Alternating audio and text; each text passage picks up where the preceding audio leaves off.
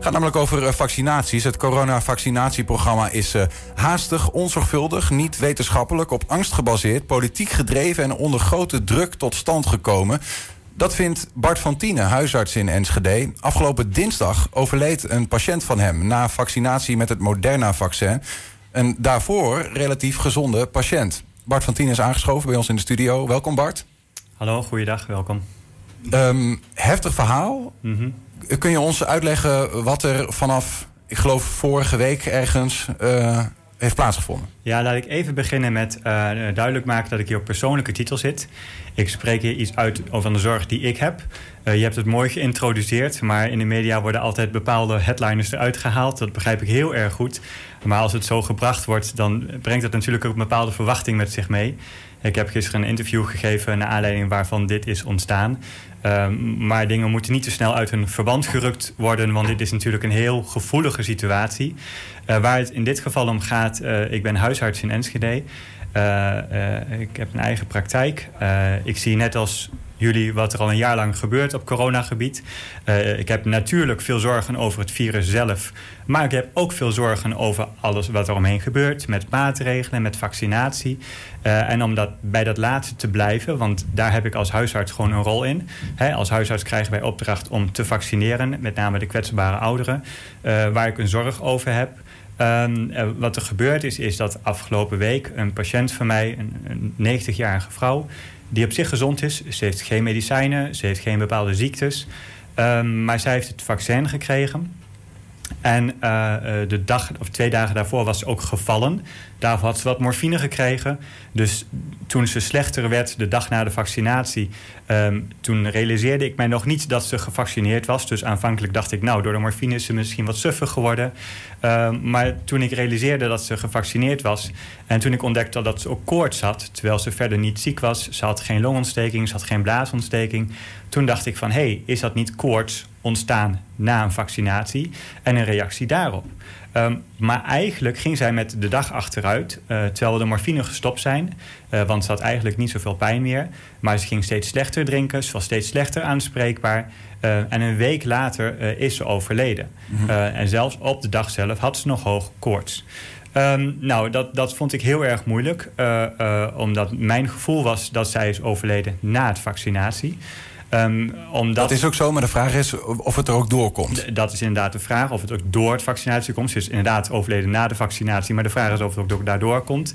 Um, uh, uh, in dit soort gevallen uh, mag ik als huisarts niet zelf de dood vaststellen. Dan moet ik de GGD-arts daarvoor bellen. dat heb ik ook gedaan en die heeft mij heel goed geholpen. Um, maar die heeft na intern overleg ook gezegd van luister, het is koorts na een vaccinatie. Dat is een normale bijwerking van een vaccinatie het is een vaccin wat geregistreerd is. Ja, dan is eigenlijk, uh, mensen nemen dan min of meer het risico dat zoiets kan ontstaan. En als je daar na overlijdt, is dat heel vervelend, maar is dat wel een natuurlijk overlijden. Mm -hmm. um, dus ik heb dat uiteindelijk als een natuurlijk overlijden afgegeven. Maar ik heb ook gezegd dat dit juist de zorg is die ik al langere tijd heb. En om het niet uit zijn verband te rukken, uh, ik begrijp heel goed dat Eén, iemand die overlijdt na vaccinatie. Het zijn er trouwens op dit moment 16 in Nederland, voor aan, zover we weten. Aan het Moderna-vaccin? Na of? vaccinatie. En ik weet niet of het alleen Moderna is geweest of ook Pfizer. Mm -hmm. Tot nu toe zijn bij LAREP. LAREP is de instantie in Nederland waar bijwerkingen gemeld moeten worden. Op dit moment, dat is van de week in het nieuws geweest, zijn er 15, met die patiënt van mij erbij, 16 mensen overleden na vaccinatie. Ja. Um, allemaal kwetsbare oudere mensen. En zo wordt dat ook in de media naar buiten gebracht. Van, ja, het zijn kwetsbare mensen die kunnen overlijden na vaccinatie. Dat weet ik. Jaarlijks sterven ongeveer 5 à 6 mensen na een griepvaccinatie. Maar goed, we zijn nog maar een maand bezig met mm -hmm. vaccineren. Er zijn mensen overleden. Een drievoud daarvan. Een drievoud daarvan in de korte tijd dat we tot nu toe aan het vaccineren zijn. En een grootste zorg die ik heb. Um, um, kijk, uh, uh, uh, het zijn vaccins die nieuw zijn, dat weet iedereen. Ze zijn vorig jaar voor het eerst massaal getest op mensen, um, maar daarvoor niet. dat lijkt erop dat het veilig is, dat het effectief is, maar we weten ook veel dingen niet. ik weet niet of die vaccins getest zijn op kwetsbare oudere mensen. Moderna zegt dat dat wel zo is. Maar wat verstaan zij onder kwetsbare oudere mensen? Ik weet het niet. Ik heb het artikel niet kunnen vinden. Ehm, op dit moment zijn er in Nederland dus een aantal mensen overleden. Nou, iedereen weet dat in Noorwegen 23 mensen zijn overleden in een verpleeghuis na vaccinatie. Overal in de wereld vind je dit soort nieuwsberichten. Mhm. Maar overal wordt het afgedaan van ja, dat kan. En het kan ook heel goed. Hè? Je kan overlijden na een vaccinatie. Maar ik denk dat je het heel serieus moet nemen. Kijk, je mag niet aan corona doodgaan. En er gaan veel meer mensen dood aan corona. Ja, maar het is uiteindelijk een, afweging tussen twee kwaden, misschien wel? Dat is het ook, dat is het ook. En dat is natuurlijk ook wat heel gevoelig ligt. Kijk, niemand kiest voor het virusinfectie. Het virus overkomt je uh, in de meeste gevallen. Hè. Eh, niemand gaat bewust het virus opzoeken, ga ik vanuit. Um, maar voor vaccinatie heb je wel een keuze. Je hebt een keuze om je te laten vaccineren. En je moet heel stevig, denk ik, wetenschappelijk gezien in, in je schoenen staan om te zeggen: wij hebben hier een veilig vaccin wat effectief is, maar wat ook beschermt. En heel veel dingen weten we nog niet. ik hoor je dus ook zeggen: deze vrouw van 90, mhm. die had eigenlijk ehm, moeten weten wat de pros en cons, de voor- en tegens waren, om een goed besluit te kunnen dingen, nemen. De, eh, officieel wordt iedereen op dit moment zelf toestemming gevraagd. Mhm. Dus zowel de dokter, ik als huisarts, uh, als de patiënten moeten zelf een formulier ondertekenen dat ze uh, toestemming hebben of geven voor het vaccin vaccin. Ik, ik, weet niet heel precies hoe het in dit, deze situatie gegaan is. Als het goed is, heeft zij een handtekening gezet. Maar ik weet ook dat deze vrouw nooit de griepvaccinatie heeft genomen. Zij heeft dat altijd geweigerd. Kijk, op het moment dat, dat de dingen gaande zijn en er is een pandemie... Um, mensen voelen denk ik ook meer druk om het te nemen. Misschien werd ze overvallen en zei ze, ja, doe maar. Ik weet het niet, ik was mhm. er niet bij. Dit is namelijk uh, op een iets andere manier georganiseerd... als dat het normaal gaat. Um, maar ik had wel een verantwoordelijkheid hierin... dat ik uiteindelijk toestemming heb moeten geven of het veilig was voor haar om het vaccin te nemen. En volgens de richtlijnen die nu bekend zijn, waar wij als dokters op moeten letten, was het op dit moment geen reden om het haar niet aan te bieden. Nee, maar je zegt ergens ook, ik heb misschien ook wel te weinig uh, data om voor mezelf te kunnen bepalen of ik het veilig nou, genoeg vind. Er is te weinig data en dat weet iedereen. Kijk, het is getest, die vaccins, over het algemeen op gezonde jonge mensen. Mhm. Ook wel op oudere mensen met bijkomende ziektes, maar over het algemeen ziektes die goed behandeld worden. Maar deze vaccins worden nu als eerste gegeven aan kwetsbare groepen mensen. En daar is het vaccin niet voldoende op onderzocht. En je kunt zeggen van dat risico nemen we. Hè? Want het is een pandemie. Er gaan duizenden mensen dood. Dus we moeten een risico nemen. Dat, dat snap ik. Maar dat neemt niet weg dat ik daar wel een hele grote zorg over mag hebben. Met name als het gaat om nieuwe vaccins. Met name als je ziet dat er ook mensen aan een vaccin overlijden. Plus, we weten op dit moment absoluut niet of het heel erg goed gaat helpen tegen bescherming, tegen überhaupt het virus. Uh, er worden al gezegd, er zijn nieuwe. Tegen, tegen besmetting bedoel je dan, hè? Ja. Van het virus, klopt. Dat, dat zijn allemaal veronderstellingen. Natuurlijk, vaccinatie heeft altijd laten zien dat het wel wat helpt. Mhm. Maar als je kijkt bijvoorbeeld naar de griepvaccinatie, die wij al jaren geven onderzoek laat zien dat dat eigenlijk maar 2 tot 6 procent kleinere kans is op een infectie. Dus dat is eigenlijk heel erg weinig voor iets wat we al jarenlang doen. Ja, ja, ja. Ja, ik, je, kan, je zou ook kunnen zeggen, um, ik weet niet hoeveel uh, ouderen er op dit moment al gevaccineerd zijn, maar het zijn er bewijs van nog maar 15. Zeker, zo kun je dat zeker zeggen. Uh, dus dus wat, is, um, wat is dan je, je, je grootste angst eigenlijk? Mijn, mijn, mijn grootste zorg is dat we, dat we een programma op gaan zetten, een vaccinatieprogramma. Uh, natuurlijk voor de ouderen dat nog niet voldoende is onderzocht. Dat is een deel van mijn zorg. Mhm. Maar nogmaals, voor een deel kan ik dat begrijpen. Ik, ik bedoel, je moet uh, risico's Ja, want je kent het vaccin niet goed, maar je kent het virus ook niet goed. Dus ook dat is weer precies. een... Dus op een bepaalde manier kan ik begrijpen dat je zegt... er is een kwetsbare groep, we hebben vaccins, laten we het risico nemen. Mhm. Oké, op de koop toenemen dat misschien sommige mensen overlijden aan het virus. Dat kan ik me voorstellen. Maar wat ik heel erg moeilijk vind, we gaan zometeen niet alleen de kwetsbare ouderen vaccineren. We gaan miljoenen, nee miljarden mensen over de hele wereld vaccins aanbieden. Met potentieel gezondheidsrisico's, zoals ik dat netjes zou kunnen zeggen. Niet dat die mensen gaan overlijden, maar je weet niet wat het op kan uh, treden. Even voor, wat voor dit geval. Hè. Ik heb begrepen ook van een collega hier die zei uh, dat die een vriendin heeft gevaccineerd werd, kreeg ook verhoging, nu al twee mhm. dagen. Hè, 40 graden koorts, mhm. best een heftige bijwerking. Mhm. Dat komt vaker voor. Dat is normaal. Dat is ook in de studies laten ze dat zien... dat dat heel veel voorkomende ja. bijwerkingen maar Dit, dit zijn mensen van 90, uh, eh, op kwetsbare mensen... die misschien die, die verhoging al niet niet aankunnen. Dus, dus, kijk, nogmaals, ik, ik, ik, ben ook geen onderzoeker, dus ik weet het niet precies. Maar wat je, wat je kunt zien, hier is koorts ontstaan. Koorts die stijgt. Dus dat is een teken dat het immuunsysteem ergens op reageert. Nou, in dit geval het vaccin. En over het algemeen kan je koorts heel goed aan, want koorts heeft een functie. Maar in sommige situaties, zoals bij deze kwetsbare dame, is dat mogelijk haar fataal geworden. Mhm. Ja. Dit is dus niet zo. ja, dat is misschien een beetje nu uh, koffiedik kijken, omdat, eh, omdat we geen onderzoekers zijn die dit helemaal kennen. Maar dat, dat die verhoging zou bijvoorbeeld iemand van mijn leeftijd, ik ben 30, die, die zou dat prima kunnen hebben. Kijk, kijk um, um, al, al, maanden volg ik heel veel nieuwsberichten. In Nederland weten jullie is relatief laat met het beginnen van vaccineren. Er zijn ook heel veel berichten dat er jonge mensen zijn overleden. Maar tegenwoordig weet je niet meer wat echt nieuws is en wat mhm. fake nieuws is. Ik weet het niet. Weet je, en dat is wat ik zeg. Je moet teruggaan naar de basis. En dat is goed onderzoek. Zou je het willen weten, dan zou je nu een heel goed onderzoek op moeten zetten. Bijvoorbeeld ook bij gezonde jongeren. Als je zegt, ik wil een bevolking gaan vaccineren. Ja, maar die tijd, is het, die, die tijd is het toch ook, ook niet helemaal. Dat is, nou, dat is wat er altijd gezegd wordt. Dat is wat ze allemaal zeggen, maar daar heb ik zeer sterk mijn twijfels over. Kijk, inderdaad, afgelopen jaar was, ze zeggen, de oversterven 15.000 mensen. Nou, uh, dat is heel erg veel mensen. Hè? Uh, naast natuurlijk uh, alle maatregelen die er mm genomen zijn. Dat moet je goed berealiseren. Er zijn heel veel maatregelen genomen. En alsnog die oversterfte. En alsnog die oversterfte. Maar je weet ook dat ongeveer 90, 95 procent van de mensen die positief getest is, geen ziekenhuisopname heeft gehad.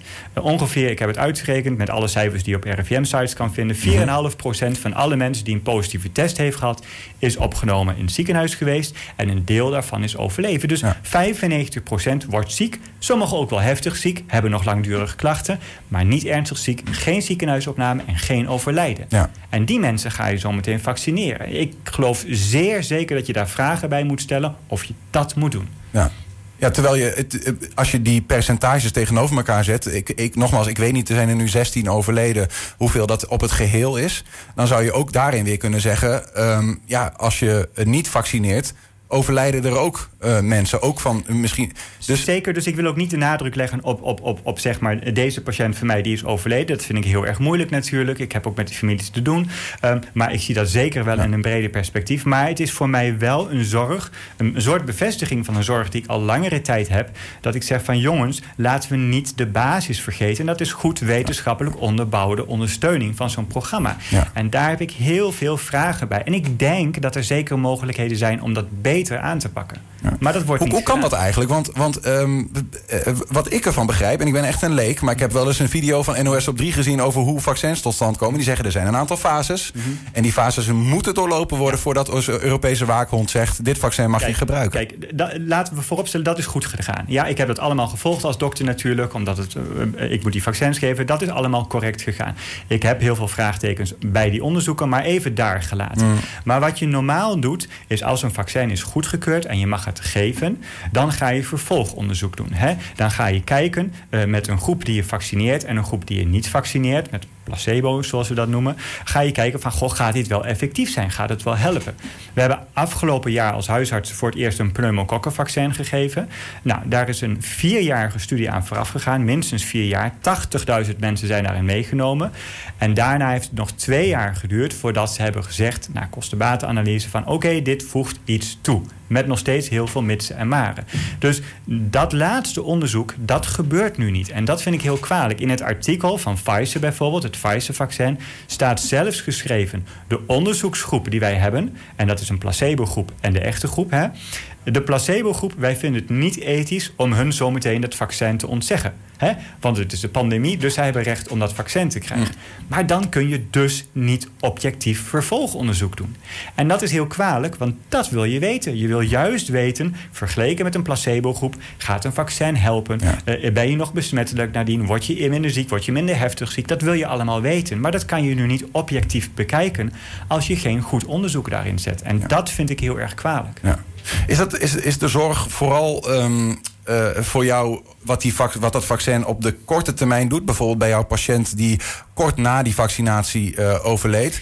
Of is het, is het, is heb je ook zorgen wat dat met over de langere termijn ja, juist de langere termijn. Kijk, dat is wat heel veel uit het perspectief niet, uh, wat niet goed gezien wordt. Um, uh, we gaan nu massaal vaccineren. Hè. Stel je voor dat we doorgaan met deze vaccinatie. We gaan zowel de, de ouderen vaccineren, maar ook heel veel jongere gezonde mensen. Hè. En over een half jaar hebben de meeste mensen gevaccineerd. Nou, langzaamaan worden de maatregelen teruggeschroefd. Dan aan het eind van het jaar komt er een, een, een nieuw virus of een mutatie, wat dan ook. Hè. Um, dan kan je niet meer tegen een bevolking zeggen van... Oh, oké, dit keer gaan we alleen maar kwetsbare ouderen vaccineren. Want die anderen zeggen... ja, maar luister, de vorige keer kreeg ik ook een vaccin. Dat wil ik nu ook. Dan heb je geen goed onderzoek kunnen doen of dat überhaupt wel iets bijdraagt. Natuurlijk heeft vaccineren zin, dat weten we. Hè. In de geschiedenis hebben we genoeg gezien dat vaccins goed helpen. Maar voor zo'n ongelooflijk massaal vaccinatieprogramma moet je heel stevig in je schoenen staan en moet je goed wetenschappelijk onderzoek doen. En mijn indruk is dat hier heel veel politiek achter zit. En dat kan niet. Daar kan ik als dokter niet achter staan. Ik heb een academische opleiding. Ik hoor gewoon wetenschappelijk te kijken naar wat we doen. En als dat niet gebeurt, vind ik dat ik daar zeker vraagtekens bij mag zetten. Even nog voor de volledigheid tot slot aan dit gesprek. We begonnen het gesprek door de situaties te schetsen van jouw patiënt die was gevallen. Mm morfine kreeg toegeschreven. Eh, in diezelfde periode een vaccin heeft gehad. Mhm. Was je niet helemaal van op de hoogte. Maar daarna ziek werd of verhoging kreeg en uiteindelijk is overleden. We, we weten niet helemaal kan het zijn dat, dat het komt door die val uiteindelijk? Of is dat... kan, zeker kan dat meespelen. De morfine kan een rol gespeeld hebben. Dus zeker, er zijn veel meer mogelijkheden. Hè? Kijk, ze was heel erg gezond. Maar ja, ze was wel gevallen. Ze had wel morfine. Dus ik kan dat allemaal niet uitsluiten. Ik zeg ook niet, dit is heel fout wat hier gebeurd is. Het was heel triest wat hier gebeurd is. En ik geloof zeker dat dat vaccin daar een hele belangrijke rol in heeft gespeeld. Maar was voor jou in ieder geval extra aanleiding. Je had al wat vragen en zorgen, maar, maar die zijn nu niet minder geworden. Eén ding is zeker: door vallen uh, krijg je geen koorts koorts komt door dat vaccin of door een andere oorzaak. Maar een andere oorzaak had ik niet. Dus dat is één ding wat ik vrij stellig durf te zeggen. Ik durf niet vrij stellig te zeggen. Zij is dus overleden aan dat virus of aan dat vaccin. Ik denk de kans is heel groot. Maar nogmaals, mhm. het belangrijkste is de rest wat ik daaromheen zeg uh, en wat voor gevolgen dat gaat hebben. Daar heb ik hele grote zorgen over. Ik heb misschien nog wel, nog, nog wel één vraag. Je bent huisarts. Uh, je bent dan ook een onderdeel van het vaccinatieprogramma. Klopt. klopt. Um, heb je dan zelf ook een keuze om wel of niet te vaccineren? Um, dat is een hele interessante discussie. uh, die op dit moment uh, uh, heel erg actueel is binnen de huisartsengroep waarin ik werk. En waarin ik maandenlang over getwijfeld heb. ja. om een lang verhaal kort te maken, want ik wil daar verder eigenlijk niet op ingaan. Ik heb inderdaad lange tijd overwogen om als huisarts niet deel te nemen aan dit vaccinatieprogramma. Omdat ik als huisarts niet verplicht ben om hier aan deel te nemen. Omdat ik een gewetensnood heb, zeg maar, om hier aan mee te werken. Um, um, ik heb uiteindelijk uh, het belang van mijn patiënten voorop gesteld. En ik kan me heel goed voorstellen dat het heel veel patiënten van mij die kwetsbaar zijn en oud zijn, zeggen van ja, dokter, luister, ik wil dat risico nemen. Het, is, het lijkt veilig te zijn, het vaccin, het lijkt te helpen. Geef mij het vaccin. Ja. Uh, en ik heb uiteindelijk een brief gemaakt die ik dan mee wil sturen naar de patiënten, waarin ik ook mijn zorgen uit, maar ook aangeef dat als zij dat vaccin willen nemen, dat ik daarachter sta. Ja, dank in ieder geval dat je ook hier uh, die zorgen hebt willen uiten en willen, willen uitleggen waarom dat zo is. Ja. Um, huisarts Bart van Tienen hoorde je uit Enschede. Dank voor dat verhaal en ook veel wijsheid de komende tijd.